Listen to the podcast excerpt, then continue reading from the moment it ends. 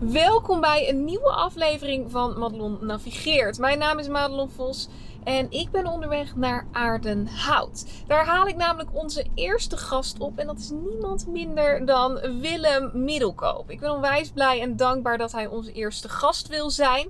Willem is eh, bekend als analist, vooral op geopolitiek gebied. Hij eh, heeft een eigen fonds genaamd het Commodity and Discovery Funds en is schrijver. Hij schreef het boek The Big Reset en hij werd in 2008 in één klap enorm bekend onder het grote publiek, omdat hij de crisis op het juiste moment had ingeschat. Nou, met Willem uh, gaan we het uitgebreid hebben over de nieuwe crisis die aanstaande is. We gaan het hebben over de toekomst van onze economie. En daarnaast kijken we natuurlijk ook naar wie Willem nou eigenlijk is. Ik wil graag de persoon achter Willem Middelkoop leren kennen en daar ben ik onwijs benieuwd naar. Ik ben nu onderweg dus naar Aardenhout en rij gezellig een stukje met ons mee. Je luistert naar een podcast van Madelon Vos. Als je interesse hebt in economie, bitcoin of financiële markten, dan zit je hier goed. Ik maak namelijk al 9 jaar content over deze onderwerpen. En, leuk weet je, je kan me midden in de nacht wakker maken voor een mooie grafiek. Ik vind het geweldig om mijn kennis te delen met anderen en ik doe dit dan ook volop. In de vorm van video's op het YouTube kanaal Madelon Vos, in de vorm van cursussen op madelonvos.nl en via mijn Instagram stories. In Madelon Navigeert spreken we bekende economen, journalisten en topondernemers over geld, de economie en financiële vrijheid. Ik neem je mee op een bijzondere reis langs sparen en investeren, langs inflatie en deflatie, langs kopen en huren en langs winst en verlies. In het bijzonder wil ik graag onze sponsoren BMW Story Waardenburg en het handelsplatform Bots bedanken dat we deze content kunnen maken. Ja, dit is een mooie, prachtige auto. Hij is goed, moet er hè? wel een beetje aan wennen. Dan gaan wij. Ja, weet je ook wat voor motor erin zit? Ik heb geen idee. Ik ben een echt eh, BMW-fan, dus... Ja? eh, Ik heb echt geen idee. Ik ben wel fan, autofan, maar ehm, niet, eh, ja, het is niet niet dusdanig dat ik ook de, Ja. weet wat erin zit. Nou, wat luxe om te worden opgehaald. Ja, fantastisch. Ja. Willem, wat fijn dat je er bent. Ja, leuk. Echt super, super leuk dat je onze Ja. eerste gast wil zijn. Ja, maar wat is het concept precies? Ja. Het, eh, leg het mij en de kijkers eens uit. ja, het concept ziet er als volgt uit. We willen door middel van deze videoserie wat meer inspireren en motiveren. Er zijn nu heel veel video's op YouTube over de Ja. economie. En over eh, ja, hoe het nu gaat met, eh, bitcoin onder andere. Ja. Maar ook met de euro, de dollar, met goud en zilver. Maar wat je daar nou daadwerkelijk mee kan. En eh, personen waar je naar kan opkijken, et cetera, et cetera. Eh, dat miste ik nog een beetje. En het leek me leuk om een wat jongere doelgroep aan te spreken. Eh, dus dat is het concept. En Dus de vi- ter lering en vermaak. Precies, precies. En de video's gaan in de basis dus over de economie, maar ook over bitcoin. eh, met, met vertakkingen richting eh, ondernemen en dergelijke. Leuk. Ja, onwijs leuk. En hoe lang gaan we rijden? We gaan een uurtje rijden. Mooi. En allereerst Ik Willem... hoef niks te doen. Nee, je hoeft niks te doen. Je hoeft helemaal te zitten. heerlijk. Ik hoop dat je een beetje op je gemak bent eh, met mij Ja. achter het stuur. Het is, eh, ik weet, hij heeft goede airbags, hè? Zes Ja, of acht. ja, ja, zeker. Zeker toch? weten. Komt helemaal goed. Maar Willem, allereerst ben ik even benieuwd naar, naar jou als persoon. Voordat we zo de diepte induiken, eh, lijkt het me tof om even te weten welke, welke wegen jij bewandeld hebt. Je hebt natuurlijk een fonds, ik heb het net al verteld in de introductie. Je hebt eh, tal van boeken geschreven. Eh, onwijs interessant. Maar ik zou heel graag van je willen weten, hoe ben jij hier terechtgekomen waar je nu staat? Ja, dat is, een hele lange, ja, dat is inderdaad een hele lange weg. Ik heb eh, een paar keer carrière switches gehad. Maar eigenlijk is de rode draad in mijn leven dat ik ja, vreselijk nieuwsgierig ben. Mhm. Ik was zo'n jongetje dat vroeger de kijk elke maand helemaal uitploos. Eh, ik ging op mijn zestiende al, s ochtends ging ik naar de bibliotheek in Hogeveen. Ik woon in een heel klein plaatsje in Drenthe en dan ging ik door alle internationale kranten bladeren. Eh, zelfs de Pravda, ik kon dat niet lezen, maar dan keek ik gewoon welke foto's erin? Ja, maar Ja. dan keek ik gewoon welke foto's erin stonden. maar ik ben dus altijd heel erg geïnteresseerd geweest in hoe de wereld eigenlijk werkt, hoe de wereld functioneert. En ik heb eigenlijk altijd in alles wat ik professioneel heb gedaan, eh, me laten leiden door wat ik eigenlijk zelf heel interessant vind. Mhm. En ik heb eigenlijk altijd van mijn hobby mijn, mijn werk gemaakt. Het begon al eh, toen ik heel jong was. Ik was 16, 17, 18. Eh, toen wilde ik per se in de foto, fotografie, fotojournalistiek. Ik wilde fotojournalist worden. Ja. Ik had ehm, op mijn 14, 5 jaar leeftijd. Ik was gefascineerd door foto's in de krant. De grote gebeurtenissen, dat mensen daarbij waren, dat mensen erbij konden zijn.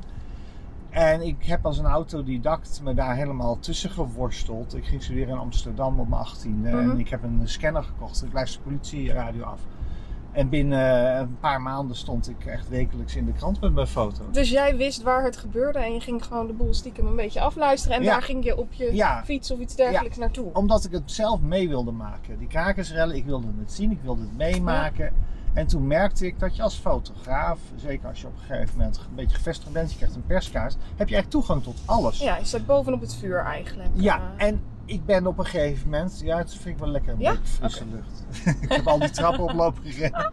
Ehm, en toen heb ik op een gegeven moment, ehm, merkte ik dat ik, eh, ja, ik kon ook mee met het Koninklijk Huis als ze op staatsbezoek gingen. En ik kwam bij iedereen over de vloer en ik ontmoette iedereen. En dat vond ik een fantastische wereld. Dat heb ik echt tussen 1980 en 2000 gedaan. En daar heb je jezelf dus helemaal ingezet. Dat, dat Ja. is niet iets wat je geleerd hebt op school. Nee, helemaal als autodidact. Ehm, maar tegelijkertijd wilde ik ook geld verdienen. En ik verdiende best redelijk als freelance fotograaf. Maar ik had ook wel door dat dat heel leuk was als je jong was. Maar dat als je echt oud ging, ouder ging worden. Ik zag die oudere fotografen allemaal shocken. En die zagen er niet gelukkig uit, die jongens van 55, 60. Ik dacht, dus Mhm. dat, ik moet iets anders hebben voor later in mijn leven. En ik ben best wel een commerciële jongen. Ehm, en ik zag op een gegeven moment dat appartement in Amsterdam, die vond ik vreselijk goedkoop. Ik reisde vrij veel en dan zag ik Londen en Parijs. Dat was allemaal vier, vijf keer duurder. Ja. New York. En toen ben ik appartementen gaan kopen. Eerst één voor mezelf. En ik vond het zo goedkoop. Voor 100.000 gulden kocht ik een, eh, een dubbel appartement aan de Slotenpas met een prachtig uitzicht. En toen dacht ik van, ik moet gewoon een paar van die appartementen proberen te Maar dat kopen. komt zomaar met jouw freelance journalistenachtergrond? Was Ja, nou, ik had, ik, had best, ik had een best een goede, goed lopende praktijk. Dus ik verkocht voor Oké. 150.000 gulden toen nog per jaar foto's. Ja, Zeg maar omgerekend naar heel nu. bijna voor een 100, journalist, ja, of 150.000 fotograaf. euro, denk ik, in Ja. huidig geld. En dan kan je best wel een hypotheek krijgen. En, maar wat ik toen deed, ik verzweeg bij de tweede, derde en vierde hypotheek dat ik al een hypotheek had. Dus ik deed steeds alsof ik gewoon eerst de hypotheek kwam halen. En er was geen hypotheekregister toen nog. En dat kon Ah. heel makkelijk. Dus zonder 1 euro eigen geld kocht ik allerlei appartementen. En op een gegeven moment heb ik dat gewoon tegen de bank verteld. En toen zei ze, ach Willem, er zijn zoveel mensen die dat doen en wij financieren dat graag, want eh, onze business is gewoon hè, krediet verlenen. Precies. En toen viel bij mij het kwartje eigenlijk. Vroeger dacht ik dat als je geld ging lenen bij de bank, dat je op je knieën moest liggen en eh, moest bidden en smeken bij de bankier om dat geld te krijgen. Ja. Maar ik merkte dat het andersom was. Dat de bankiers eh, aan mij vroegen, Willem, kan je niet nog een appartement kopen? Want eh, wij hebben graag die extra productie. Ze noemen dat ook productie, hè, hoeveel leningen ze uitzetten. En toen heb ik gewoon 7, 8 appartementen gekocht in korte tijd. Met steun van die ING en eh, tegen 120% financiering. En toen dacht ik van dit is... 120 procent Ja, financiering. 120%. Holy, oké. Ik financierde alles mee. Ja. Kosten koper. En die appartementen vinden was nog best een probleem. Want iedereen wilde appartementen kopen. Dat is eind jaren 90. Was dat net zo'n tijd zoals nu? Of... Het begon toen. De gekte begon toen. En eh, appartementen kopen om te verhuren is nu heel normaal geworden. Maar Ja. dat was toen echt een, hè, de buy-to-let market, zoals dat heet. Wat heel groot is in Londen en New York. Dat was eigenlijk in Amsterdam nog maar een nieuwe beginnende markt. Mhm. En om die appartementen te vinden, ik wilde het liefst gemeubileerde appartementen kopen van mensen. eh, Nou moest je een trucje uithalen. Over want- 300 meter, ga rechtdoor op de Truciusweg. De Dat is niet de bedoeling. Zo. Even Nee. uit. Jij stil. Ik ga praten. En, ehm, om de volgende, denk ik. Want ik rijd dit heel vaak en dan. Oh. Een U-turn maken. En maar goed, om die appartementen te vinden was best moeilijk. En toen ehm, had ik een truc bedacht. eh, want eh, je, je keek altijd in de Telegraaf, in de woonkrant, of er eh, appartementen te koop stonden of kwamen. Er was toen een woonkrant? Ja, een je- woonkrant. Internet, Een soort funda-achtig iets. funda op papier, ja. Ja. Oké. En eh, Funda kwam tot ontwikkeling echt eind jaren 90. En Ja. toen moest je nog in de krant kijken of er een appartement eh, te koop werd aangeboden. Er waren altijd twee kolommen met advertenties. Mhm. Maar wat ik dan deed, dan ging ik 's ochtends heel vroeg naar de Telegraaf op de Baasweg in Amsterdam. Om vijf uur 's ochtends dan waren die kranten klaar. En dan vroeg ik bij distributie gewoon eentje. En dan had ik als eerste de woonkrant. En dan haalde ik de beste appartementen uit die voor mij het meest interessant waren. Bijvoorbeeld eentje die helemaal gemeubileerd was. En dan belde ik om 8 uur 's ochtends belde ik gewoon die makelaar of de mensen op, zo vroeg mogelijk. En dan bood ik erg meteen de vraagprijs. Dus aan de, over de telefoon zei ik van, eh, ik hoef niet te zien, koop gewoon. Ja. En op die manier kon ik vrij snel in korte tijd een aantal appartementen kopen. En Nou je ja, hebt daarin nooit een, een, een fout begaan? Dus Nou, ik ongezien heb- kopen is best wel een ding natuurlijk. Ja, nou, de Tesla die ik heb, heb ik ook ongezien gekocht. dus soms moet je in het leven gewoon een nemen. risico. Nee, maar ik wist dat ik me altijd kon verhuren voor het maandbedrag wat ik aan hypotheek moest opbrengen. Dus ik financierde dat helemaal, het appartement. En dan verdubbelde ik dat maandbedrag en, en die huur kreeg ik altijd. Dus ik had een enorme marge, ja, er was een enorme room for error. Ja, dus Als het appartement een beetje tegenviel, Precies, geen dan kon ik nog altijd, nou, dan kon ik nog altijd met de prijzen zakken Ja. of het appartement opknappen. Mhm. En over het algemeen, een appartement in Amsterdam, ja, daar kan niet zoveel mee mis zijn als de prijs laag is. Eh, je kan het desnoods opknappen. Dus dat ging eigenlijk allemaal heel goed. Maar het belangrijkste aan dat verhaal is, en dan kom ik bij de economie. Ik had dus op een gegeven moment 4 miljoen geleend in korte tijd bij de bank. En ik had zelf helemaal geen spaargeld. En toen besefte ik wel dat ik een gevaarlijk spelletje speelde. Zeker weten. En dat werkte heel goed eh, als de prijzen stijgen. Hè? Ik had een enorme leverage eigenlijk gecreëerd. Eh, maar ik dacht, als de prijzen ooit gaan dalen of de markt stort in, dan ben ik natuurlijk wel het haasje. Dan Ja. eh, ga ik failliet. En stel je had een pootje geen huurders, of in meerdere panden geen huurders, had je dat risico wel afgedekt? Nou, daar, daar begon ik dus over nadenken. Had ik niet afgedekt. Maar toen begon ik dus het systeem te bestuderen. Het financiële systeem en met name de economische cycli. En toen ben ik heel veel Ah. boeken gaan lezen. Eh, en één heel belangrijk boek wat ik toen vond. Ik kwam veel in Amerika in die tijd. Dus je kon nog geen boeken bestellen bij Amazon. Ehm, maar ik ging altijd naar een boekhandel. En dan had je zo'n heel personal finance afdeling. How to get rich in real estate. How to profit from the coming crash. Al dat soort boeken die je hier nu ook hebt. Maar dat had je toen in Amerika al. Toen was er één boek en dat heette de Bear Book. En de Bear Book heeft mij enorm gevormd. Met een paar andere boeken. Eh, The History of Financial Crisis van Kindleberger. Mhm. En ik ben toen een aantal van die boeken echt heel goed gaan bestuderen. En toen kwam ik erachter dat die economie altijd in cy- cycli werkt. Hè? Je hebt opgaande fase, neergaande fase. En De Bearboek ging voornamelijk over die, die, die ja, neerwaartse Die, die, waarschuwde eigenlijk dat we aan het eind van de opgaande fase aan het komen waren. Een enorme bubbelfase. Ja, Want die was begin jaren 80, begin jaren 80, hè, voor de jongere kijkers onder ons. En toen waren jullie nog niet geboren, maar toen ging het economisch slecht. Het was eigenlijk een crisis. Toen was de rente extreem hoog. Toen stond de beurs extreem laag. En vanaf begin jaren 80 is eigenlijk de rente nu al 30, 40 jaar lang aan het dalen. En dat heeft ervoor gezorgd dat huizenprijzen steeds verder gaan stijgen. Mhm. Aandelenkoersen steeds verder zijn gaan oplopen. Ehm, hypotheek hè, of obligaties steeds duurder zijn geworden. Dus dat is een hele lange cycli. En dat kreeg ik toen door. En de Bearboek waarschuwde dat er een einde zou komen aan die hoogconjunctuur. Ergens de komende 10, 20 jaar. Dat je dan in een bearmarkt terecht kon komen. ja. En dat vond ik fascinerend. Want toen dacht ik van ja, dan moet ik dus wel winst gaan nemen op het vastgoed. En hoe meer ik daarin ging verdiepen. Ik spreek over eind jaren 90, begin 2000. Ik werkte toen als chef beeldredactie, fotoredactie bij het Parool. ja. Dus ik was een beetje opgeklommen, een beetje carrière gemaakt dus als fotojournalist. En ik was met die huizen bezig. En ehm, toen zag ik een advertentie van RTL dat RTL Z zou gaan beginnen. Dagelijkse financiële tv. En ik heb altijd CNN fascinerend gevonden. Ik had ooit een jaar voor AT5 gewerkt in 91, dus ik had wat televisieervaring. Ik kende wat mensen bij RTL, dus daar heb ik gewoon open sollicitatie ge- ge- gestuurd en gezegd: ik wil komen praten, ik wil echt bij RTL Z komen werken. Ja. En ik had, ehm, ja, ik had ooit dus een jaartje voor AT5 gewerkt, maar dat was al tien jaar daarvoor. En toen heb ik een screentest gedaan bij RTL en dat, nou, dat vonden ze best allemaal leuk. En toen kon ik ehm, redacteur worden, verslaggever en dan vrij snel beurscommentator op Beursplein 5. Ja goed, ik had zes, zeven boeken over de economie gelezen en dat was vaak vijf meer dan mijn collega's. Dus ik kreeg toen het stempeltje Willem is de financiële expert. Ja. En dat ben ik zeven, acht jaar lang ben ik op eh, Beursplein 5 heb ik elk uur verteld of de koers omhoog of omlaag gingen. ja, want zo heb je jezelf ook wel gepositioneerd. Je doet nu alsof Ja. iemand anders je dat tempeltje gegeven heeft, maar Nee, want ik, ik heb de positie geüpgrade. Want Precies. het was de bedoeling dat er één minuut per blok van 15 minuten schakelde over naar de beurs. En dan zouden we Ja. vertellen of, wat de koersen deden. Maar toen heb ik eigenlijk gezegd, nou laten we nou gewoon wat toevoegen. Laat, dat ik wat grafieken kan laten zien. Dat ik extra vertel over olie of over goud. En toen is dat blokje eigenlijk opgerekt tot 2,5, 3 minuten per 15 minuten. Dus ik kon heerlijk vrij daar mijn verhaal kwijt. En ik las monomaan alles. Ik was nog steeds aan het studeren. Ik wilde gewoon die hele wereld begrijpen. En RTL gaf me daar de tijd voor. Want tussen die uitzendingen zat steeds een uur of 50 minuten of twee uur vrij. En dan zat ik allemaal steeds te lezen en te lezen. En zo- op die manier heb ik mijn eerste boek ook kunnen researchen. En toen ik dus uiteindelijk een beetje klaar was ehm, ehm, met mijn research 2004, 2005, toen was ik dus al vier jaar bezig bij RTL. Toen had ik het gevoel dat ik, ja, dat ik de wereld echt wel een beetje begon beetje te begrijpen. Ja, Ja. een beetje begreep. Dus toen durfde ik mijn eerste boek te maken, want ik schreef columns. Ik schreef columns voor IEX, schreef columns voor RTL.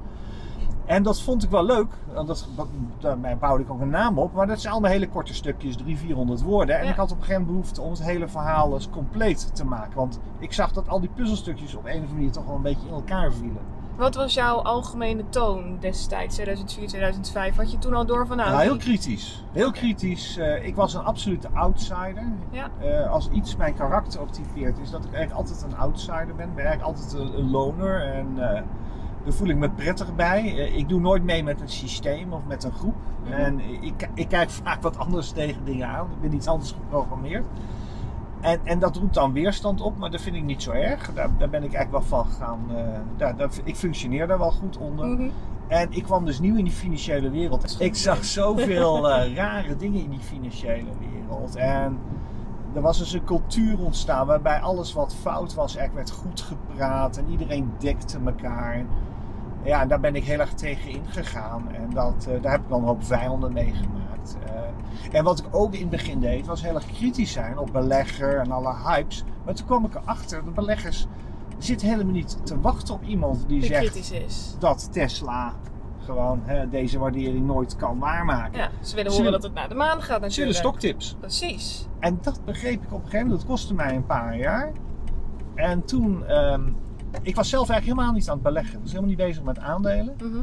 Eh, vrienden van mij waren er wel mee bezig, eind jaren 90 heel erg. En ik ben toen zelf eigenlijk ook een beetje gaan beleggen.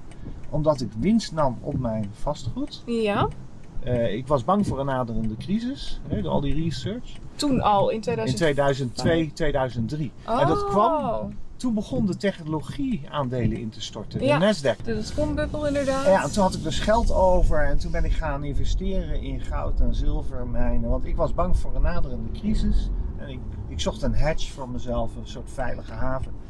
En toen ben ik eigenlijk heel erg gaan verdiepen in de wereld van goud en zilver. Mhm. Ben erachter gekomen dat je in Canada meer dan duizend beursgenoteerde grondstofbedrijven hebt, exploratiebedrijven hebt, die heel speculatief zijn en die met name heel sterk in waarde stijgen als eh, goud of zilver ontdekken. Dus exploratiebedrijven die zoeken wereldwijd, boren ze naar eh, grondstoffen. Ja. Dat soort bedrijven kennen we niet in Nederland, die hebben we niet op de AX. Eh, en toen ben ik me er helemaal in gespecialiseren en ik ben een nieuwsbrief gaan maken. Dus los van mijn werk als RTL, week in mijn vrije tijd, maakte ik een nieuwsbrief waarin ik beleggers tipte over kleine bedrijven die grote ontdekkingen deden. Mhm. En ik had een beetje beginnersgeluk. Ik had een aandeel getipt, Aurelian Resources, op 30 cent. Ik had zelf 10.000 aandelen gekocht. En die deed zes weken later een monstergrote ontdekking in Ecuador. De grootste goudmijn van Ecuador is net open gegaan nu. Werd in 2006 ontdekt. En die aandelen gingen van 30 cent naar 43 dollar.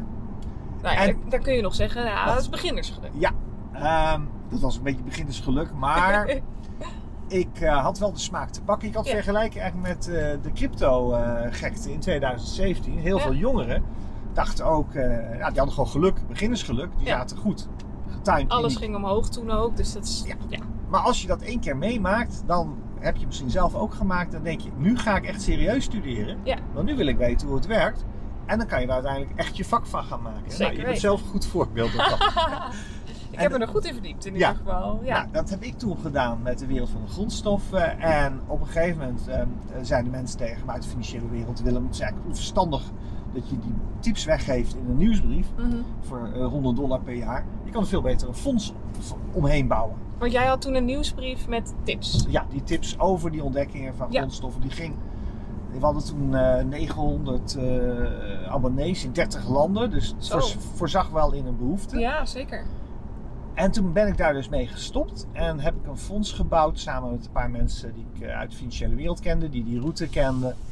Eh, Jan Dobber zat daarbij van Optiver Wanneer ben je begonnen met dat fonds? in 2008, eind 2008. 2008. En toen brak net Rond dat moment brak de financiële crisis uit. Precies wat jij had verwacht. Ja, en ik had een heel dubbel gevoel. Want ik dacht, die vlucht naar goud gaat nu echt op gang komen. Dat gebeurde ook. Ja. Maar ik was bang dat de aandelenkoersen zouden gaan, de aandelen zouden gaan crashen. Ja. En ik zat natuurlijk wel in goudgerelateerde aandelen. Mhm.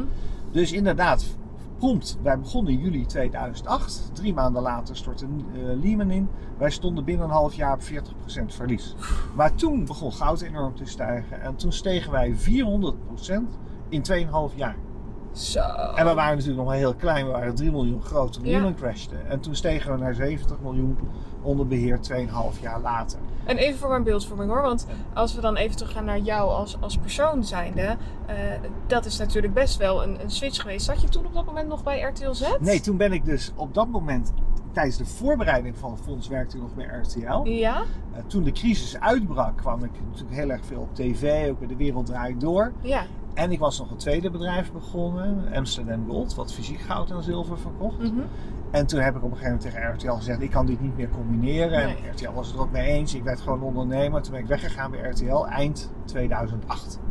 En toen ben ik, was ik dus gestart met twee bedrijven die allebei edelmetaal gerelateerd waren. En hoe is dat dan voor jou geweest? Want je wordt eigenlijk in één klap eh, een bekende Nederlander, zou je bijna kunnen zeggen. Ja, dat was heel raar, want ik, ik was al zes jaar op tv bij Ja. RTL Z. Maar daar keek bijna niemand naar. Ja, gepensioneerden, wat beleggers en studenten. Mhm. Maar toen de kredietcrisis uitbrak, ehm, ik weet nog Ro- Roland Koopman, eh, zijn vrouw die werkte als redacteur bij, eh, Pa- bij ehm, De Wereld Draait Door. Mhm. En hij had, daar was natuurlijk een soort zoektocht naar wie moeten we hebben om de crisis te duiden. En toen had Roland Koopman gezegd, nou je moet misschien middelkopers vragen, want die doet dat bij ons wel aardig. Ja. En toen kwam ik dus bij De Wereld Draait Door. En ehm, nou, dat was eigenlijk meteen een uitslaande brand. Want die wilde een contract met me sluiten. Dat ik tien keer per jaar eh, het nieuws kwam duiden. Of de economie kwam Dat is duiden. mooi, hoe gaat het op de weg? doet hij voor mij ook altijd. Zo Opeens de irritant. file informatie. Zo irritant. En ehm, dus ik kreeg een contract aangeboden bij De Wereld Draait Door. ja. En, ehm, eh, maar eh, Was dat überhaupt wel jouw publiek? Wilde je daar überhaupt wel, wel zitten? Is dat niet... Eh, dat was, in het begin vond ik het natuurlijk allemaal heel fascinerend. Want Ja. er keken anderhalf, twee miljoen mensen per avond Tuurlijk. naar. En Pauw en Witteman eh, vroegen me eh, op dinsdag. En dan zat ik woensdag weer bij De Wereld Draait Door. En toen werd ik inderdaad in korte tijd heel bekend. En toen merkte ik, toen kwamen er al... Toen kwamen er eigenlijk allemaal mechanismen los die ik helemaal niet eh, kende en herkende. En dat is inderdaad, je wordt een halve bekende Nederlander. Iedereen begint te bellen of je een presentatie of een lezing wil geven. Maar waar ik ook in achter kwam, dat opeens allerlei mensen werden geconfronteerd met mijn sombere analyse van het wereldwijde financiële systeem, die daar helemaal niet op zaten te wachten, die ook helemaal niet de kennis hadden om dat in te kunnen schatten. Dus dan kreeg ik van die vragen, Willem, moeten we nou morgen extra gaan pinnen? Of moeten we al het geld van de bank halen? Ja, want het verhaal wat jij bracht was natuurlijk best wel heftig voor veel mensen. En helemaal als je dat in drie of vijf minuten moet vertellen. Ja, het verhaal was eigenlijk dat het financiële systeem eigenlijk heel shaky is. En Mhm. Dat het eigenlijk een kaartenhuis van schulden is. En zodra er een kredietcrisis ontstaat, dan begint eigenlijk dat hele huis te schudden en Ja. te beven. En dan kan het hele huis instorten. En we zaten eigenlijk in een instorting. Ja, als je dat tegen anderhalf miljoen, twee miljoen mensen vertelt, die gewoon allemaal ja, dachten dat ze op het systeem konden vertrouwen, ja, die worden wel nerveus en bang. En na een tijdje, maar dat heeft wel een paar jaar geduurd, dacht ik van ja, Willem, eh, misschien moet je helemaal niet eh, als een soort Peter R. de Vries of Max Moskovits, eh Bram Moskovits, elke avond maar aan willen schuiven. Ja. En eigenlijk ben ik toen na een aantal jaren ben ik steeds vaker nee gaan zeggen tegen de wereld draait door. En nee gaan zeggen tegen allerlei programma's waar je mee kon doen om een quiz mee te doen of iets anders. En toen heb ik gedacht van ik ga me helemaal verder specialiseren in waar ik goed in ben. ja. In investeren in de grondstoffen. En Ja. ik, ik ga alleen nog maar in op uitnodigingen. Nou, zoals van jou, van mensen die serieus willen weten. Hoe werkt dit systeem? Eh, wat kan je doen hè, als je daarin wil beleggen? Maar we gaan geen mensen ermee lastigvallen die daar niet naar op zoek zijn. Dus Mhm. ik ben mijn boeken blijven schrijven. Ik heb natuurlijk een aantal boeken geschreven. Nou, in de boeken kan je allemaal informatie vinden. Eh, maar ook alleen maar als je actief daarnaar op zoek bent. Dus wij zetten ook geen advertenties voor ons. ons wij, va- wij vallen niemand lastig met wat wij vinden. Maar als je wil weten hoe wij over dingen denken of hoe ik over dingen denk, Dan kun je bij dan kan je dat vinden. Ja, Dan kan je op YouTube ja, de video's, andere video's vinden. En dat is waar ik me comfortabel bij voel. En, en dat fonds, Willem, je bent daar in, in 2008 dan mee begonnen. Dat fonds werd echt groot naar mijn inzien in 2011 ongeveer. Ja, klopt. Dat was eigenlijk de top van de goudmarkt. Hoe heb je dat dan ervaren? Want ik kan me indenken dat het voor de media heel lekker was om dan te kunnen zeggen... Nou, die Willem die heeft het één keer even goed gehad. En Ja, eh, nu, eh, nu nodigen we hem uit en kunnen we hem bij zijn enkels afzagen. Ja, ja, nee, dat is inderdaad. ehm, dat heb ik inderdaad, dat mechanisme heb ik ook heel erg meegemaakt. Kijk, media vinden het geweldig als er een nieuwe ster wordt ontdekt. Ja. Hè? Dus er is een nieuwe expert gevonden en die mag dan overal aankomen. En dan word je eigenlijk, je wordt eigenlijk op het paard gehesen. Mhm. Maar media vinden het ook leuk. Het grote publiek is eigenlijk eh, eh, daar. daar eh, dat, dat gevoel heeft ook het grote publiek. Als je te vaak op tv bent, dan krijgen mensen zoiets. Je ziet het nu bij Peter R. de Vries ook. We hebben het bij eh Bram Moskowitz gezien. Dan op een gegeven moment zeggen mensen van... Nou jongen, jij wijsneus, je arrogante wijsneus. Ehm, eh, we, we vinden het eigenlijk wel leuk als je een keer helemaal mis zit. Of als je Ja. van het paard afvalt. En dat gebeurde bij mij in feite in 2000, eh, na 2011. De goudprijs had een record laten zien in, eh, van 1900 dollar, bijna 2000 dollar. Willem had verteld, die goudboelmarkt gaat nog wel door, want China is nu een grote koper geworden. En toen begon de goudprijs te corrigeren en die daalde 40% over zes jaar. De zilverprijs daalde 70% en ons fonds daalde 80%. Zo. En dat was natuurlijk wel eh, ja, een klap ook voor Willems ego. Ja. Want ik dacht zelf ook dat ik het redelijk goed begreep. En ehm, ja, tien jaar geleden dacht ik dat bijna alles rationeel kon verklaren, bedenken en ook kon voorspellen. Mhm. Maar ik ben er steeds meer achter gekomen dat je op de financiële markten echt veel meer aan technische analyse hebt. Dus het lezen van charts. van- Het bekijken eh, van grafieken, ja. ja, waar jij ook goed in bent. Ja. Dan dat je probeert te voorspellen of iets omhoog of omlaag gaat, omdat er fundamentele gronden voor zijn. Ja. Dus op fundamentele gronden kan je misschien heel goed argumenteren waarom bijvoorbeeld Tesla nu naar beneden moet gaan. Mhm. Maar als Dat je naar de chart niet. kijkt, nee, want de chart, je zit gewoon in een fase waarin er sprake is van een hype. Ja. En volg dan maar gewoon die, die chart en volg die hype maar en wacht maar tot die trendomkeer komt Ja. en ga dan pas shorten.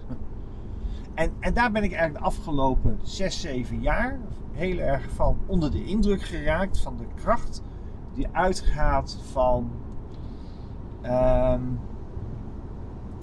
ja, technische analyse. En technische analyse is natuurlijk eigenlijk alleen maar het bestuderen van het gedrag van de massa. Dus de ja, beleggende je massa. kijkt het sentiment van, van, van de beleggers. Hoe Ja. zij reageren Juist. op bepaalde bewegingen of op bepaalde push Dus ik Ja. ben een beetje nederiger geworden en ik denk niet meer dat ik het allemaal weet nu. Ik laat vooral de grafieken nu vertellen waar we staan. En de grafieken vertelden mij de laatste jaren dat goud eh, aan het uitbodemen was, dat commodities aan het uitbodemen waren. Ja. En ik was ervan overtuigd en dat heb ik alle participanten die. We hebben een hele hoop investeerders die rond 2011, 2012 zijn ingestapt na die hele goede tijden. Mhm. En die hebben die daling helemaal meegemaakt. Maar ik heb ze gelukkig de afgelopen jaren met charts kunnen laten zien. We zijn aan het uitbodemen. Dat kan een langdurig proces zijn. Goud bodemde al uit in de euro's in 2013. Mhm. En het heeft uiteindelijk tot nou, dit jaar geduurd Ja. voordat goud in dollars echt ging uitbreken. Ik moet, eh, ik moet zeggen, ik ben wel eens bij eh, een van jouw lezingen geweest. En eh, op het moment dat je dan een zaal toespreekt, dan zijn dat voornamelijk ah, ja, grijs, wat kalende Ja. mannen. En ehm, nou ja, dan, dan vertel je eerst van nou, dit is, dit is ons fonds, dit is wat we doen.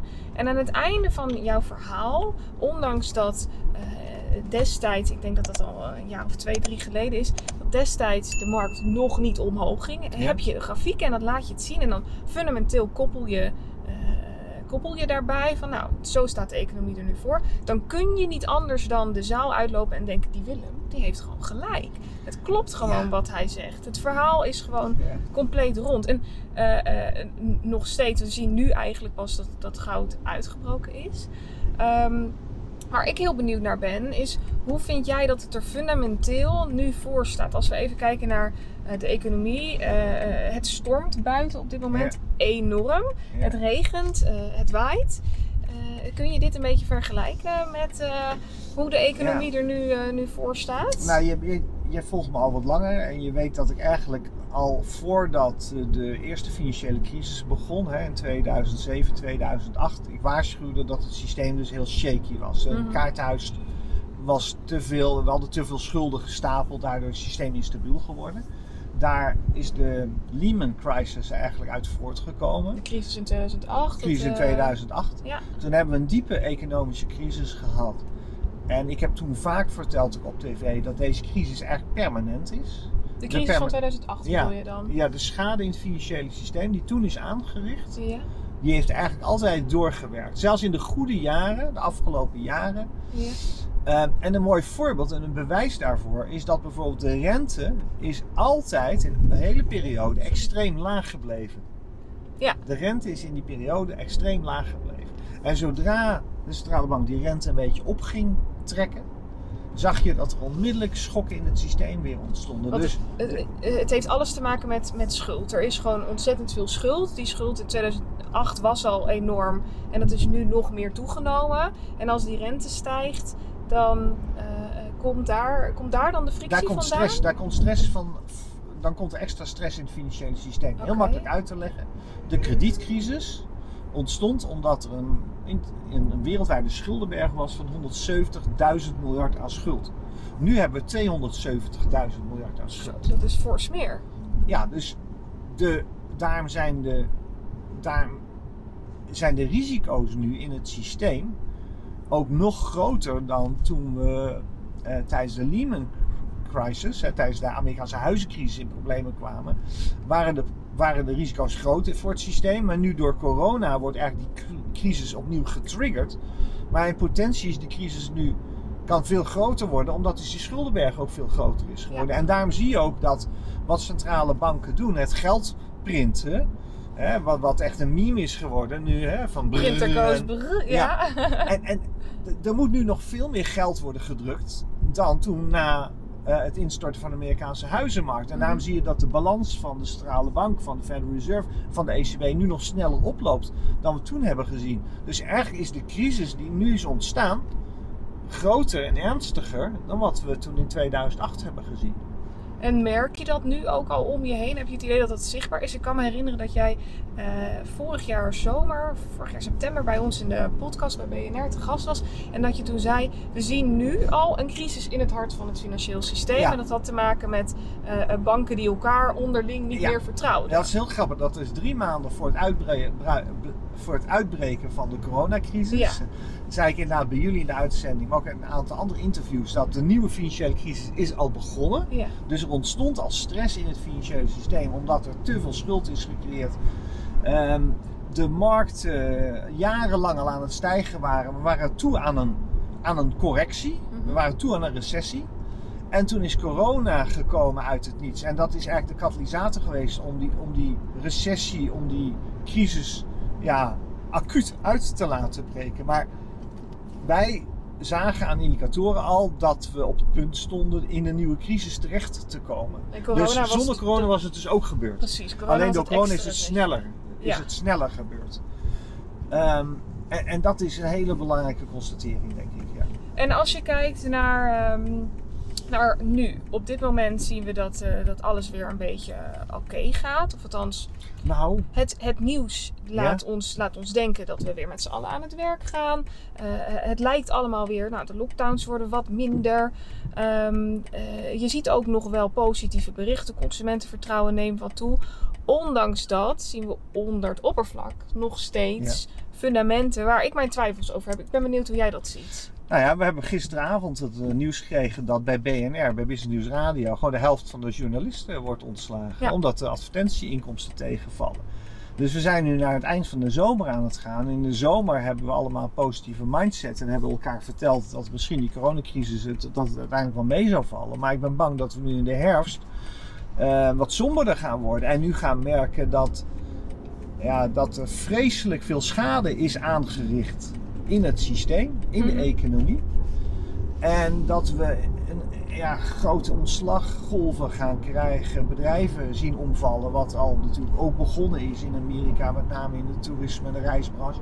overheden doen er alles aan om ja, bedrijven overeind te houden. Hè, zelfs Food Supply is Ja. met een steun van de overheid eh, overeind gehouden. Ik google één keer in de zoveel tijd op het woord schrapt banen. Ja? En eigenlijk iedere week zie je wel nieuwe bedrijven ertussen staan die, eh die fors banen aan het schrappen zijn. En dan lijkt het alsof het nu allemaal nog oké gaat. En ook als je kijkt naar eh, de overheid, die heeft nu, nu natuurlijk nog allemaal subsidies. Je hoeft je Ja. belastingen nog niet te betalen. Ja. De bank die is nou ja, toch wel wat guller met de, eh, de leningen en dergelijke. Dat moet strakjes in september, wanneer die noodregelingen stoppen, nog tot uiting komen. Nou, er komt nu een nieuwe noodregeling, maar die Ja? is al een stuk schraler dan hè, de eerste twee. Ja. Eh, dus je zal inderdaad zien dat steeds meer mensen eh, toch problemen komen. Eén op de eh, vijf mensen heeft nu al schuldproblemen. In grote steden is dat één op de drie. Het CPB heeft gisteren bekendgemaakt dat er voorlopig geen herstel komt van de economie. Dat dat al wel vijf jaar kan gaan duren voordat we weer op hetzelfde niveau zitten als voor corona. Een veel sombere eh, voorspelling dan waar de overheid zelf zeg maar mee, eh, mee werkt. En dat geeft al aan dat er, ja, er komt een hele bak met slecht nieuws aan. En ik vind het heel zorgelijk. Ik heb zelf een zoon van 19, die is vorig jaar gaan studeren. Maar ja, de wereld van jonge mensen staat echt heel erg op zijn kop. Maar ook Mhm. een wereld natuurlijk van heel veel eh, mensen die een huis, een hypotheek hebben en nu een baan verliezen. Ehm, dus ik vind het extreem zorgelijk wat er gebeurt. Ja. En ehm, ja, ik, ik ben natuurlijk al langer eh, zit ik in het kamp eh, dat- dat de crisis uit 2008 eigenlijk nooit is opgelost. En we dreigen nu echt in een mondiaal, toch vrij eh, ernstig scenario terecht te komen. Jij zei net, eh één op de drie mensen in de grote steden die heeft nu al last van, eh, van, betalingsproblemen of heeft er Ja. hulp bij nodig, heeft Ja. hulp aangevraagd. Dat is gestegen van eh 52.000 naar 100.000 eh, zo uit mijn hoofd. Ja, Ehm, mensen die hulp hebben gevraagd. hulp maar één op, de drie, hebben. één op de drie heeft problemen de gewone rekeningen te betalen in, in grote steden. Denk je dat dat, eh, dat dat nog meer tot uiting gaat komen? Dat dat nog meer eh, zichtbaar zal zijn? Dat de armoede groter wordt? Ja, ja dat- waar ik bang voor ben is dat we nu op een punt gaan komen wat we eigenlijk in 2009 hebben weten te voorkomen. In Ja. 2009 hebben we, zijn er heel veel mensen toch wel werkloos geworden en was de economie echt wel heel zorgelijk en de horeca had het heel moeilijk. Maar ik was toen bang, ik heb toen wel eens gezegd, en dat is gelukkig niet uitgekomen, ik was toen bang dat we echt in een depressie terecht zouden komen. Mhm. En het risico op een mondiale depressie is nu groter dan ooit. Want dit speelt niet alleen in Nederland, het speelt mondiaal. Kijk wat er is gebeurd. Kijk wat er gebeurt met de mensen die de slecht betaalde banen hadden in India of in Pakistan. Of hè, de, de domestic workers eh, die allemaal naar huis worden gestuurd, die geen geld meer hebben. Er dreigt nu echt een mondiale, ja, hele zwa- zware, zwarte periode aan te breken. Denk je dat... En over, sorry dat ik je onderbreek, Nee. maar de overheden weten dit. En Ja. die weten ook dat het enige wat ze kunnen doen om dat te voorkomen, is dus massaal geld creëren. Mhm. Iedereen, nou niet iedereen ondersteunen, maar zoveel mogelijk mensen ondersteunen. Maar dat heeft weer een ander risico in zich. Want daarmee dreigen we in een situatie terecht te komen waar ik al heel lang voor waarschuw. En waardoor, ik al sinds 2002 mijn bescherming in edelmetalen zoek. Mhm. Ehm, geld dreigt waardeloos te gaan worden of Ja. steeds minder waard te gaan worden. En er is ook lastige weg terug op dit moment. De, de weg die we nu zijn ingeslagen is om ongelooflijk veel geld uit het niets te creëren, om alles aan de gang te houden. Daar kan je eigenlijk niet uit terug. We, hebben dat, we zijn die weg eigenlijk ingeslagen al na 2008, na de Lehman crisis. Toen hebben, we, hebben centrale bankiers eigenlijk de wereld verteld, we kunnen dit weer normaliseren, we kunnen taperen, Mhm. dat was de economische term daarvoor. We hebben nu gezien dat dat niet heeft gewerkt. Er wordt nu nog veel meer geld gecreëerd. En eigenlijk is bij iedereen in de financiële wereld nu wel het besef gekomen dat we niet meer terug kunnen van deze ingeslagen weg. En dat is heel zorgelijk, want dat betekent dat de waarde van geld steeds meer zal worden uitgehold. Ja. En, en we hebben eigenlijk in de wereldgeschiedenis nog nooit meegemaakt dat we mondiaal in eenzelfde soort situatie terecht zijn gekomen. Dat we alleen maar de geldkraan steeds verder open kunnen zetten, de geldpers steeds harder kunnen laten draaien. En dat heeft enorme gevolgen uiteindelijk voor mensen ja, op de hele wereld. Huizenprijzen zullen steeds verder blijven stijgen, omdat er een vlucht komt naar de dingen die we niet bij kunnen drukken. Daar wil ik het zo nog, nog even met je over hebben. Eh, eh, er gaan echt tal van vragen door mijn hoofd heen op dit moment. Eh, eerst nog eventjes terug naar, ik hoorde jou net zeggen van, eh, eh, eh, ja, met mijn zoon, daar maak ik me nou, toch wel een beetje zorgen over. Dit is de toekomst waar we over praten. Eh, denk jij dat scholing hier ook een belangrijke rol in gespeeld heeft? Eh, als je hoort hoeveel mensen nu al in geldnood zitten, hulp nodig eh, eh, moeten hebben. Ehm, Ja, het grote, het grote probleem is dat natuurlijk op school eigenlijk nooit goed aandacht is geweest voor de basale dingen van de economie. Van, ja, niet van de economie, maar van het financiële systeem. Ja. Mensen hebben niet geleerd hoe je om moet gaan met je schulden, met hypotheken, met verzekeringen. Dus we leren alles op school, maar niet eigenlijk de dingen die je nodig hebt in het gewone leven om je overeind te houden. En er zijn natuurlijk heel veel aanbieders geweest, telecomaanbieders, auto, vakantie, die alles maar op krediet hebben gedaan. En waardoor er een hele generatie is die met krediet opgroeit. Mijn zoon, ik maak me geen zorgen over mijn zoon, want dat is op zich een slimme vent en die, die komt er wel. mhm. Alleen waar hij heel veel moeite mee heeft, is doordat er nu door corona vallen de colleges uit. Je kan niet meer, zijn sportclub ging niet meer door, ging roeien. Dus het is heel moeilijk om een normaal studentenleven nu Ja. te hebben. En ehm, ja, ik maak me wat dat betreft wel heel erg zorgen over allerlei mensen die in schulden terecht zijn gekomen de Mhm. afgelopen jaren, omdat het goed ging. En die moeten nu proberen een huis te krijgen of een huur te betalen. En die worden geconfronteerd met minder economische omstandigheden. Er zijn heel veel minder banen in de horeca. Voor mijn zoon en zijn generatie is het heel moeilijk om nu een bijbaantje te vinden. Dat was altijd heel makkelijk. Ja. Dus ja, dat, dat, eh, dat is moeilijk. En kijkend naar eh, eh, de scholing aan zich. Ik kan me herinneren dat wij ooit een keer een gesprek hadden. eh, waarin jij zei: Ja, mijn zoon die gaat studeren.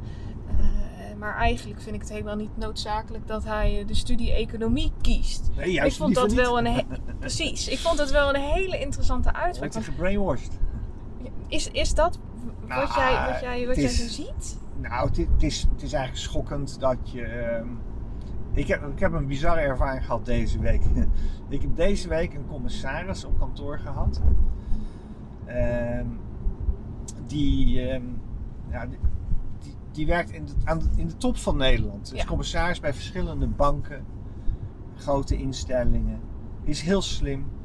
Ehm, en, en die wil dus ja, nou, zo- zoals eh, in de mail werd, werd gezegd, hè, wilde eigenlijk een soort privécollege hebben. Omdat ze wil de andere kant van het verhaal eens horen. Mhm.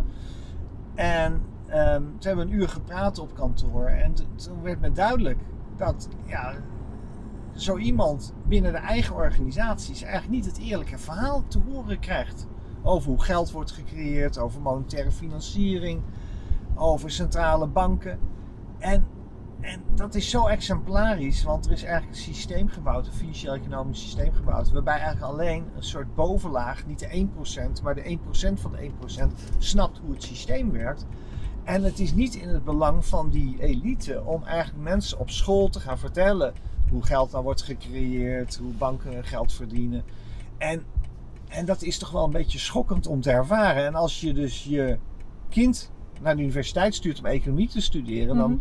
dan leert hij eigenlijk over allerlei modellen die gebruikt worden in de financiële wereld om geld te verdienen. Maar hij, hij leert niet over wat er nou echt van belang is in het financiële systeem. Hoe de hazen nu echt lopen. Wat zeg maar de geheimen van het systeem zijn. Denk je dat er expres wordt aangestuurd op een bepaalde zienswijze binnen Ja. de economie en binnen eh, scholing? Ja, dat is heel duidelijk. Is dat Eh, om mensen dom te houden? Nou, er- ik noem het wel eens collectieve zelfbedrog. En dat is, eh, dat is een wat vriendelijker term. Ja. We hebben dat ook gezien in Duitsland in de jaren 30, hè, dat is voor de Tweede Wereldoorlog. Mhm. Dachten echt de meeste mensen dat ze met eh, Hitler ja, een man hadden die Duitsland echt weer zou groot zou kunnen maken, sterk zou kunnen maken, economisch goed functioneerd zou kunnen maken. En de massa, die, eh, hij is democratisch aan de macht gekomen. Eh, natuurlijk wel een paar trucs uitgehaald. Maar dat collectieve zelfbedrog zien we nu ook in de economie. En we hebben wel eens een grapje, zeggen dat een derde van de economen die eh, werkt nu bij de Federal Reserve, de Amerikaanse centrale bank. Een derde van de economen heeft bij de Federal Reserve gewerkt. En een derde van de economen wil daar gaan werken. Dus oftewel, iedereen praat in de lijn van de Amerikaanse centrale bank. Iedereen praat elkaar na. Ja. En dat noemen we eh, economen noemen dat de Chicago School of Economics. Dat is een beetje een Amerikaanse denktrand. Mhm. Er is ook een andere denktrand, hè, dat noemen we de Oostenrijkse school, die veel conservatiever is. Maar dat is niet iets wat je in de studiebanken leert. Daar, daar gaat het één middag over. Eén middag in de hele studie gaat het over de Oostenrijkse school. En voor de rest gaat het alleen maar over het Amerikaanse model, het Precies. Amerikaanse systeem. Dus als jij denkt dat je door economie gaat studeren, hè, een evenwichtige basisopleiding krijgt, nou, dat kan je wel vergeten. Je wordt eigenlijk klaargestoomd om als een pion te kunnen werken in dat westerse financiële systeem Mhm. en mee te doen met de schuldcreatie, het verkopen van schulden, zoveel mogelijk geld verdienen aan het rondpompen van geld. Jij zei net, eh, er wordt eh, onwijs veel geld bijgedrukt momenteel. Eh, de, de, ja, het geld klotst aan alle kanten eh, omhoog. Eh, heeft dat bepaalde eh, gevolgen? Eh, je zou bijvoorbeeld kunnen denken aan inflatie. Ja, het heeft vreselijk veel gevolgen als je uit het niets zoveel geld gaat creëren. Dan krijg je een aantal primaire en een aantal secundaire effecten. Een aantal dingen gebeuren onmiddellijk, een aantal dingen gebeuren wat later. Het eerste gevolg is dat er dus veel meer geld het systeem instroomt, waardoor bijvoorbeeld aandelen onmiddellijk gaan stijgen. Dat hebben we ook gezien. Hè? Zodra die noodprogramma's bekend werden gemaakt eind maart, zijn de koersen omhoog gegaan en zijn blijven stijgen. Hoe Tot de kan dat eigenlijk, vandaag. dat het geld terechtkomt eh op de aandelenmarkt? Nou, omdat beleggers, dus eigenlijk de, de elite, de mensen met het geld, Ja. die snappen heel goed dat aandelen, dat beurzen stijgen niet omdat de economie beter gaat, maar beurzen stijgen vooral omdat er meer geld beschikbaar komt. Mhm. Of omdat er minder geld beschikbaar komt in de economie. Dus het slimme geld, de Wall Street zit heel erg kijken, te kijken naar wat doet de overheid met die geldkraan. Omdat ze vanuit de historie dus weten, zodra die geldkraan gaat, wordt opengedraaid, zal je zien dat de beurskoersen gaan herstellen. En dat verklaart dus ook waarom die beurzen maar omhoog blijven gaan, terwijl het economisch minder gaat. Ja. En er, sp- er speelt nog iets, en dat, zal ik, dat is eigenlijk een secundair effect. Omdat de overheid steeds meer geld creëert, dat geld dus daar- daardoor per definitie minder waard gaat worden, Mhm. gaan mensen vluchten met hun geld. En die gaan naar de dingen vluchten die de overheid niet bij kan drukken. En de overheid kan geen aandelen Shell bijdrukken. De overheid kan geen aandelen Unilever bijdrukken. Dus wat zie je, en dat weten we ook uit de historie. Als je eindigt in hyperinflatie, wat we in de jaren 20 in Duitsland hebben gezien, wat we in Zimbabwe hebben gezien, wat we onlangs in Venezuela hebben gezien, dan gaan de beurzen gaan extreem stijgen. Niet omdat het economisch goed gaat, economisch heel slecht, Mhm. maar omdat er extreem veel geld wordt gecreëerd. En het continu blijven stijgen van beurskoersen is dus eigenlijk een enorm alarmerend signaal. Want dat vertelt je eigenlijk dat je in de eerste fase van een soort hyperinflationair scenario aan het komen bent. En waarom is, is hyperinflatie in jouw ogen zo, zo slecht? Even voor de kijkers die, die is- hier geen idee van hebben. Hyperinflatie is het allergevaarlijkste wat je economisch kan gebeuren. Dat betekent namelijk dat de waarde van geld steeds verder wordt uitgehold, dat het vertrouwen in geld steeds verder verdwijnt en dat uiteindelijk geld waardeloos kan gaan worden. En er zijn veel, ik ben een student van de financiële geschiedenis zeg ik wel eens, er zijn in de geschiedenis een hele hoop voorbeelden bekend Mhm. dat het geld waardeloos werd. Je kon niks meer met je geld kopen. Je moest met kruiwagens vol geld. Nou, je moet nu al met kruiwagens vol geld komen om een huis te kunnen kopen. Maar En- we zien het nu dus op bepaalde markten. We zien het eh, op de, bij, bij assets zien we het. Eh, er zijn bepaalde markten, bijvoorbeeld goud, maar ook bitcoin die voorstijgen. Ja. Eh, kun kunst, je dat bij dan, kunst zie je het. kunst, tweedehands auto's, kun je dat dan al hyperinflatie noemen? Moet het niet Nee. het algemeen Nee, prijsspel Ik zeg omhoog? dat we in de allereerste fase zitten Ja. van een proces dat kan eindigen in hyperinflatie. En we moeten Ah, heel oké. voorzichtig mee zijn, want mensen verwachten dan dat we in december 2020 hyperinflatie Dat is hebben. iets wat heel Nee. lang duurt natuurlijk. Het- We hebben het risico dat we in december 20, 2027 in hyperinflatie terechtkomen. Oké. En als je de hyperinflatie, pe- periode van hyperinflatie uit het verleden bestudeert, Mhm. dan zie je altijd dat wat dat betreft ehm, het, het, het starten van echte hyperinflatie, dat is eigenlijk een massa-psychologisch proces. Dus heel lang, het duurt heel lang voordat de massa echt het vertrouwen in geld gaat verliezen. Dus je kan heel lang doorgaan met het creëren van geld.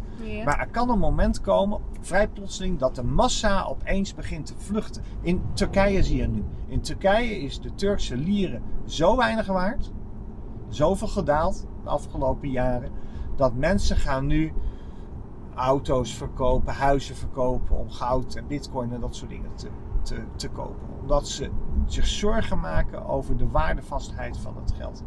En dat is extreem zorgelijk. Jij zei net, eh, je, je kan best verwachten dat de huizenprijzen nog fors gaan stijgen. Eh, ik heb in mijn achterhoofd zitten dat de mensen die nu al in de problemen zitten eh, qua het betalen van hun hypotheek en hun leningen, dat dat alleen maar erger wordt. Dat er meer ontslagen zullen vallen, dat er meer bedrijven failliet zullen gaan. Eh, dat de mogelijkheid om een lening te nemen, dat dat ook lastiger wordt. Dus de bank gaat strenger zijn met het vergeven van krediet. Wat is dan jouw visie dat die huizenprijzen alsnog zullen gaan stijgen? Nou, precies door het effect wat ik zojuist beschreef, is dat je dus hè, beurskoersen blijven op een gegeven moment stijgen. Niet omdat het economisch beter gaat, Mhm. maar omdat er steeds meer geld is wat gaat vluchten.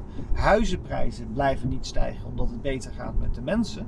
Er zijn steeds mensen die die hypotheek niet meer kunnen betalen, maar je zal zien dat mensen met veel geld Ja. die huizen graag op gaan kopen als een soort veilige haven, omdat dat huis nooit naar nul kan, die waarde van dat huis. Dus ze Mhm. gaan liever het geld, als ze te veel cash hebben, gaan ze liever huizen kopen. Dat is veiliger dan eh, dat geld op de bank te laten staan, waar je bovendien geen rente krijgt. Ja. Dus de negatieve effecten van de slecht wordende economie, die drukt de huizenprijzen op dit moment. Mhm.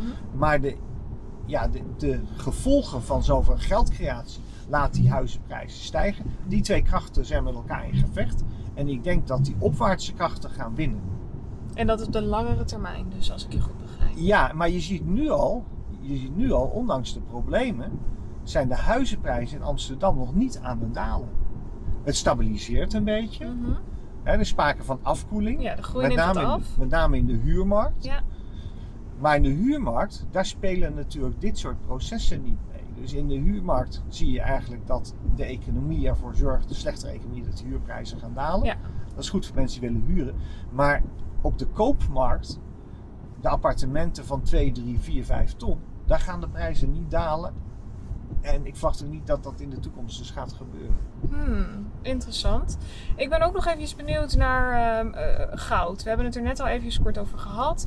Eh, we zagen tijdens eh, ja, de coronadip op de markten dat ook koers van goud naar beneden ging. De koers van bitcoin ging ook fors omlaag. Inmiddels eh, is de koers van goud en zilver, nou, we kunnen bijna zeggen, door het eh, Ja. dak geschoten. Ja. Eh, echt fors.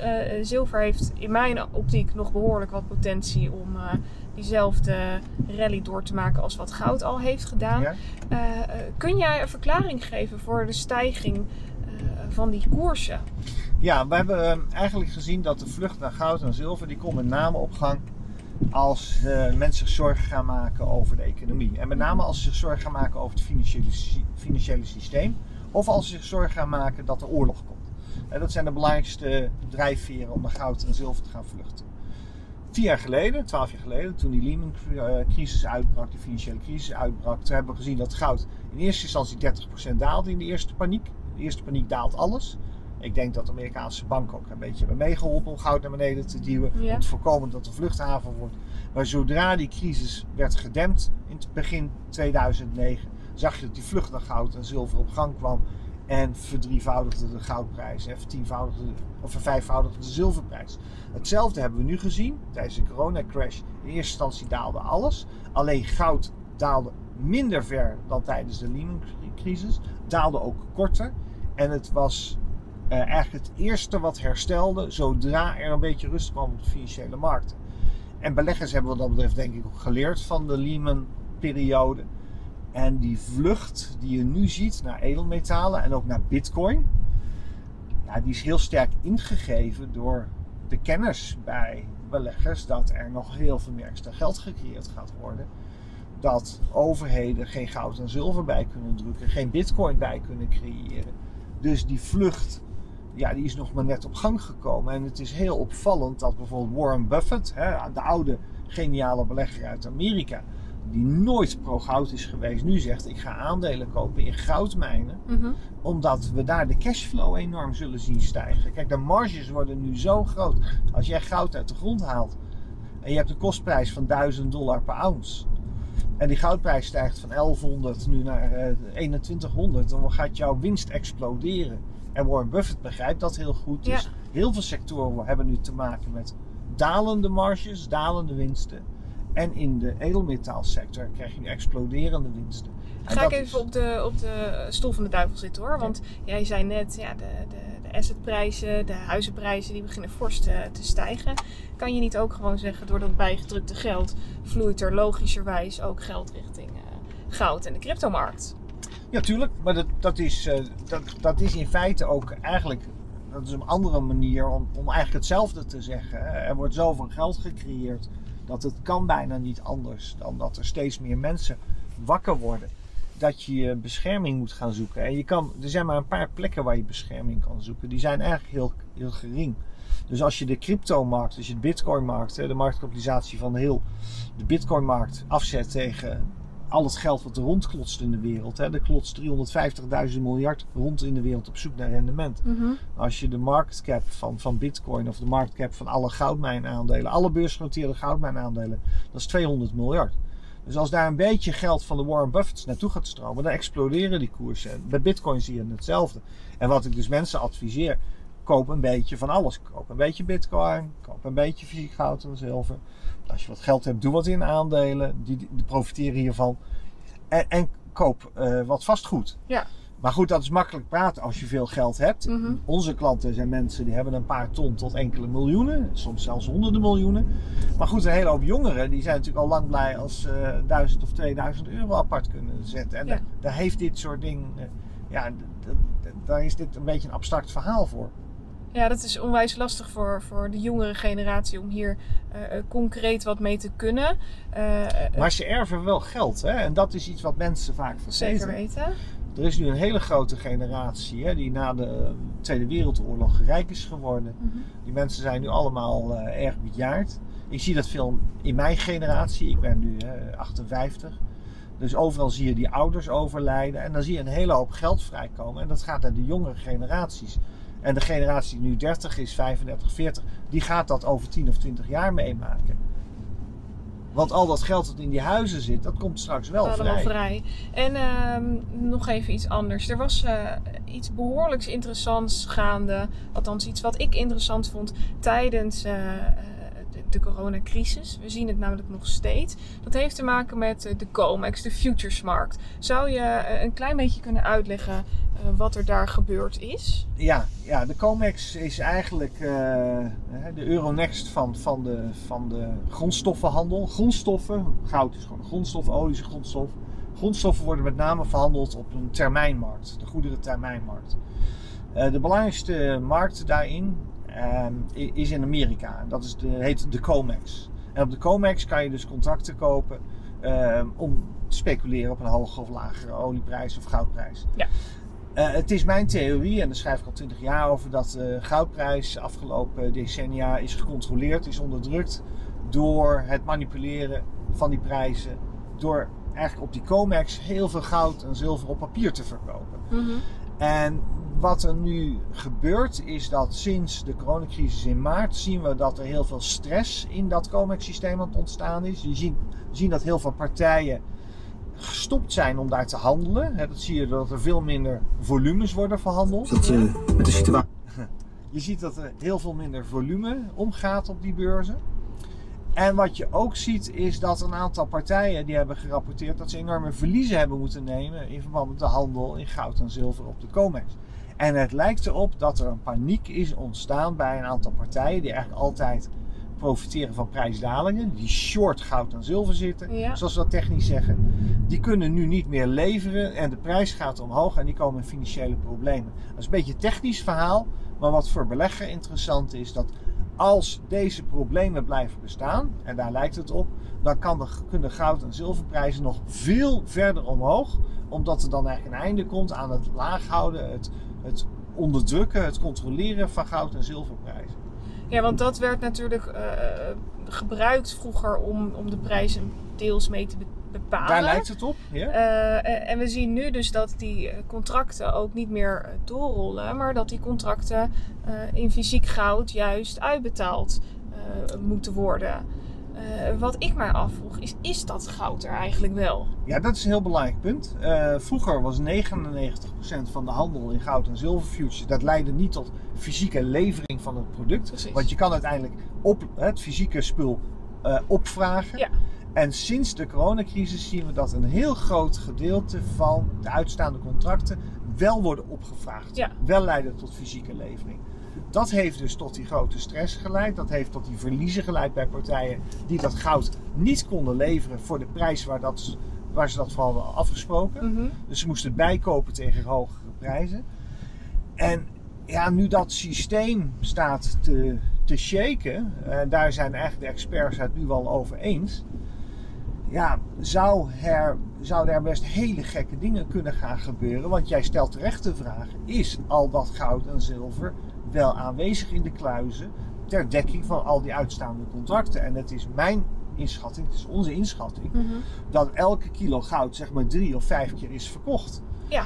En nu iedereen zich zorgen gaat maken over de- dit financiële systeem en de crisis. En steeds meer dat financiële of dat fysieke goud en zilver in handen willen hebben. Ja, ontstaan er dus dit soort eh, ja, problemen. En dat is in potentie, kan dat leiden. Ik heb het in mijn boeken beschreven tot een grote goudrevaluatie. En dan zou goudprijs wel eens kunnen worden opgetrokken van de huidige 2000 dollar per ounce naar 5 of 10.000 dollar per ounce. Kunnen we dat een beetje vergelijken met wat er eh, kort na het uitbreken van de coronacrisis op de oliemarkt gebeurde? Dat, dat, dat Ja, daar juist te veel olie was. Ja, maar dan Eh, tegenovergesteld Precies. inderdaad. En de prijs on- onder nul ging. Ja, bij de oliemarkt zag je op een gegeven moment dat er inderdaad zo'n overvloed aan olie was. Dat een eh, termijncontract van olie op een gegeven moment een negatieve prijs kreeg. Precies. Omdat er paniek ontstond in de markt dat je het olie wel moest afnemen en wel moest opslaan. Ja. Bij goud kan je eigenlijk het tegenovergestelde verwachten. Dat er paniek ontstaat in de markt. Of iemand het wel kan leveren. Iedereen wil het eigenlijk in handen krijgen. Niemand heeft het probleem om goud op te slaan. Want goud is zo beperkt in gewicht. Hè. Eh, mijn iPhone in, in goud is anderhalf, eh, dat is zeg maar anderhalve kilo in Ja. goud. Dat is ehm, iets van 75.000 euro. Onwijs zwaar ook. Dus je kan dat eigenlijk altijd wel ergens eh, opslaan. Ja.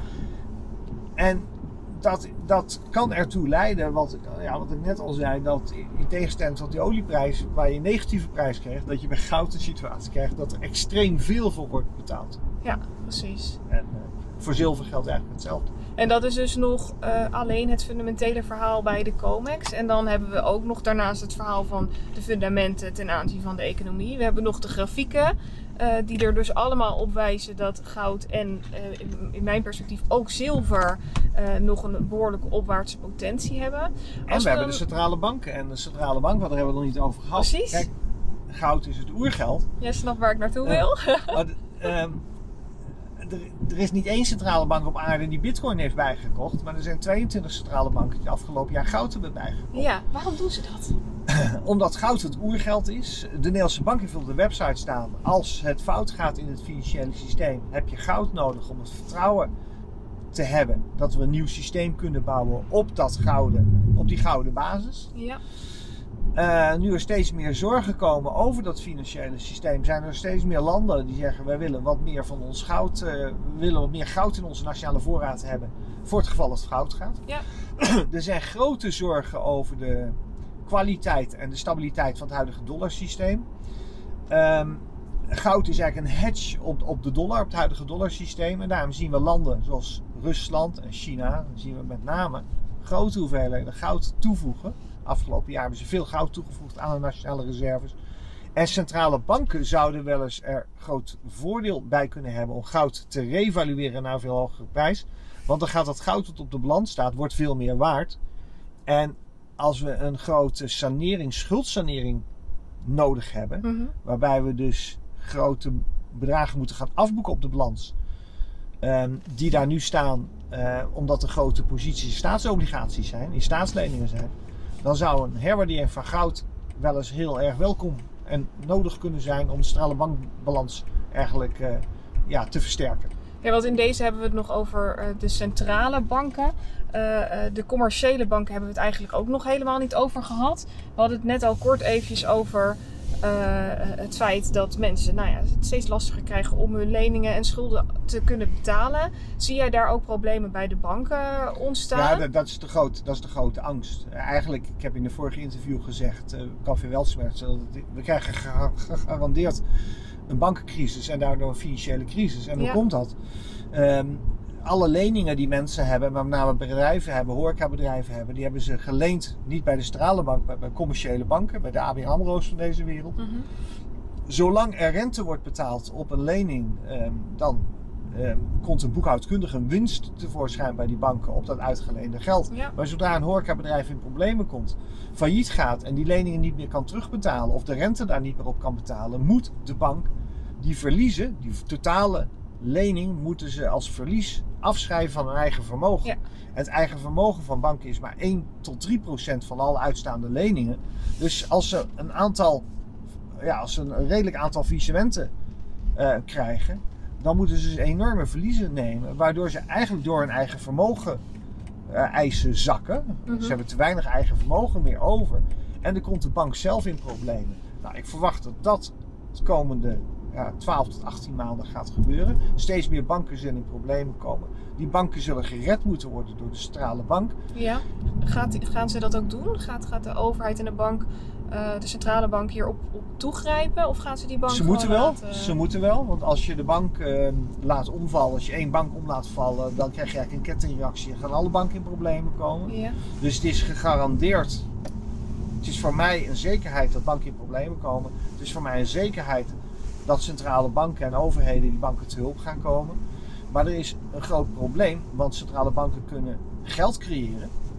Ze kunnen liquiditeit verschaffen in het systeem, zoals we dat noemen. Maar centrale banken kunnen geen solvabiliteit, kunnen geen eigen vermogen verschaffen aan banken. Mhm. En het enige wat overheden kunnen doen om commerciële banken te ondersteunen die in problemen komen, is die banken eigenlijk nationaliseren. ja. Of daar een stake in nemen, een aandelenbelang in nemen. Wat bij ABN AMRO gebeurd Ja. is. En je zal zien dat dat bij een hele hoop banken zal gaan gebeuren. Alleen, we hebben tijdens de vorige crisis gezien dat ING eigenlijk ook genationaliseerd zou moeten worden. Ja. Maar dat is niet gebeurd, omdat het balanstotaal ING was gewoon te groot. Ja. Dat was een balans van meer dan 1000 miljard. En dat kon de BV Nederland niet aan. En er dreigen nu zoveel banken in problemen te komen, wereldwijd, dat het maar de vraag is of overheden genoeg geld hebben om die reddingsoperaties te doen. En daarom kijkt iedereen naar het IMF, het Internationaal Monetair Fonds. Mhm. Want het IMF heeft normaal als laatste ook nog geld beschikbaar. Maar het IMF heeft nu al gewaarschuwd dat ze minder dan 1000 miljard beschikbaar hebben voor volgende reddingsoperaties. En daarom is er nu eigenlijk de roep, met name vanuit China op het IMF, om enorm veel meer geld te gaan creëren. Dat wordt een beetje technisch, in de vorm van eh, SDR. Hè, Ja. Er is een soort IMF-geld, valutamandje van het IMF. Dus het IMF kan zelf ook geld creëren. Mhm. En China zegt dat moeten we nu heel snel doen om het IMF straks de kracht te geven en de macht te geven om ja, te kunnen helpen bij dit soort financiële reddingsoperaties. Amerika is daar sterk tegen. Amerika en China zijn natuurlijk op meer punten het niet oneens. En dat is een grote zorg om de toekomstige reddingsoperaties, financiële reddingsoperaties die nodig zijn, om die mogelijk te kunnen maken. Want als China en Amerika de handen ineens slaan en ervoor zorgen dat het IMF een veel grotere ja, geldhoeveelheid heeft, ook uit het niets gecreëerd trouwens, maar goed. eh, Er zou geen goud in dat mandje zitten? Voorlopig zit er geen goud in het SDR-mandje. De SDR, het IMF-valutamandje, dat bestaat nu uit de dollar, de euro, het pond, de yen en de Chinese renminbi. Die Ja. is als laatste toegevoegd. Chinezen hebben voorgesteld om ook goud misschien toe te gaan voegen als een soort zesde munt aan dat valutamandje van het IMF. Dan zou nou die munt er goud gedekt of goud gelinkt zijn. Mhm. En daardoor een heel goed, betrouwbaar eh, alternatief kunnen worden voor bijvoorbeeld de dollar. Nou, op het hoogste niveau vinden daar dus onderhandelingen over plaats. En zolang we het daar niet over eens zijn, wordt het heel moeilijk om een soort mondiale reddingsoperatie, een mondiale monetaire reset, een grote verandering in dat systeem aan te brengen. Maar ik denk dat de, crisis, deze crisis zo groot gaat worden en dat de druk vanuit deze crisis zo groot gaat worden, dat uiteindelijk Amerika, China wel rond de tafel moeten gaan zitten om Mhm. gezamenlijk op te treden. Maar dan hebben we het over één of over twee jaar. Dus dit soort crises hebben altijd tijd nodig om zich op te bouwen. Die spanning moet zich als het ware opbouwen. De kredietcrisis brak uit eigenlijk in 2006. Ja. Lehman viel pas om in 2008. En de grote economische crisis kwam eigenlijk pas in 2009, later. 2010. Dus het heeft altijd tijd nodig om op te bouwen. En hoe ziet, de, eh, hoe ziet de komende periode eh, eruit? Als je een beeld zou kunnen schetsen voor, voor de normale burger, wat gaan wij hiervan merken? Want heel leuk dat, dat ze bezig zijn met een SDR en dat we eh, zien dat bepaalde koersen stijgen. Maar wat merk je hier als burger van? Als jongere? Ehm, het is heel verschillend voor een hele hoop mensen. Ja. Ehm, maar een hele hoop mensen ehm, zullen niet worden getroffen. Kijk, als jij gewoon een baan hebt en je bent leraar. of jij ja, je bent ambtenaar. Dan gebeurt er eigenlijk niks. De mensen die extreem hierdoor worden getroffen zijn een aantal mensen die in bepaalde sectoren. Als jij je geld verdiende door op festivals iets te doen, al is maar drank te verkopen, Mhm. of muziek te draaien of de apparatuur te verhuren, ja, dan heb je een enorm probleem. Als jij geld verdient in de horeca, daar is veel minder werk. Hè. De, de omzetten liggen op 25%, 50% van wat het vorig jaar was. En de bankensector bijvoorbeeld? De financiële sector zal onder druk komen te staan, maar met name de ZZP'ers zullen hier zwaar onder te lijden hebben. Want Wat je ziet, als het economisch minder gaat, dan gaan bedrijven bezuinigen. En hoe kunnen bedrijven bezuinigen? Door eigenlijk de variabele schil, de flexibele schil te gebruiken. Mhm. Je hebt heel veel mensen in vaste dienst. Daar kan je minder snel van af. Dus heel veel bedrijven hebben een soort flexibele schil. Waar mensen met flexcontracten, tijdelijke contracten, ZZP'ers zijn. Die dingen voor ze doen. En daar kan je onmiddellijk besluiten die minder te gaan gebruiken. Minder gaan, eh, daar minder werk aan te geven. Dus je zal zien dat ZZP'ers, en we hebben er een miljoen in Nederland. 1 miljoen ZZP'ers Onwijs veel. die, die zullen gemiddeld minder gaan verdienen. En dat is, eh, ja, dat is echt heel zorgelijk. En die kunnen bovendien heel moeilijk gebruik maken van allerlei steunprogramma's vanuit de overheid. Ze kunnen eigenlijk alleen maar bijstand aanvragen. En dat kan je pas doen als je echt helemaal niets meer hebt. Mhm. En die bijstandsuitkeringen zijn ook nog heel laag. Daar kan je Ja. waarschijnlijk de huur niet eens van betalen. Dan moet je eerst je vermogen ook nog opeten. Dus een hele hoop mensen zijn afhankelijk van vaak een partner of familie die, wel, die dan nog wel geld, eh, voldoende geld binnenbrengt. Wat zou jij kijkers nu, eh, nu aanraden als ze dit horen en denken: zo, dat is me toch een verhaal. Wat, wat, wat is het verstandigst om te doen in jouw, eh, in jouw perspectief? Het belangrijkste is altijd dat je flexibel bent. Dus Ja. dat je bijvoorbeeld niet aan één beroep vastzit. Heel leuk dat jij DJ bent op festivals. Mhm. Maar als je daarnaast ook nog goed kan coden en kan programmeren, Ja. dan kan je nog eh, je geld blijven verdienen. Dus niet afhankelijk zijn van één ding. Ja, Ehm, zorg dat je ja, je verdiept, dat je zelf studeert, dat je dit soort dingen snapt. Maar zorg ook dat je blijft verdiepen, dat je studeert, dat je blijft ontwikkelen in een nieuw vak. Als jij nu nog niet kan coden, je kan jij ervoor zorgen dat je over drie of zes maanden wel kan coden. Ja. Moet je gewoon even hard gaan werken en dan kan je jezelf weer verhuren. Dus ga er niet van uit dat jij als DJ over drie jaar of over twee jaar wel weer op die festivals zal staan. Want die festivals komen misschien nooit meer terug. Dus ehm, wees eerlijk tegen jezelf en eh, ja, zorg ervoor dat je, dat je niet op één paard wet. Willem, we zijn eh, bijna aangekomen op locatie weer. Ik wil jou eh, onwijs bedanken dat ik je mocht interviewen en dat je de eerste gast wilde zijn in het Dat- programma Madelon Navigeert. Echt, Leuker dan eh, in de studio. Dus, ja, eh, het is onwijs tof. Het is nog wel eventjes allemaal wennen. Ik wil Ja. natuurlijk ook de kijkers enorm eh, bedanken. En laat ook vooral eventjes weten door middel van een duim omhoog als je het een leuke aflevering vond. En mocht je meer van deze afleveringen willen zien, vergeet dan niet om eventjes te abonneren. Die rode knop die vind je hieronder. En nou, in ieder geval tot de volgende Madelon Navigeert. Willem, nogmaals bedankt en tot snel. tot ziens. Bedankt voor het luisteren naar deze podcast. Vond je deze podcast nou leuk? Vergeet dan niet om een review achter te laten op Apple Podcasts. En deze podcast te volgen op Spotify, zodat je geen enkele podcast meer mist en anderen deze podcast makkelijker kunnen vinden.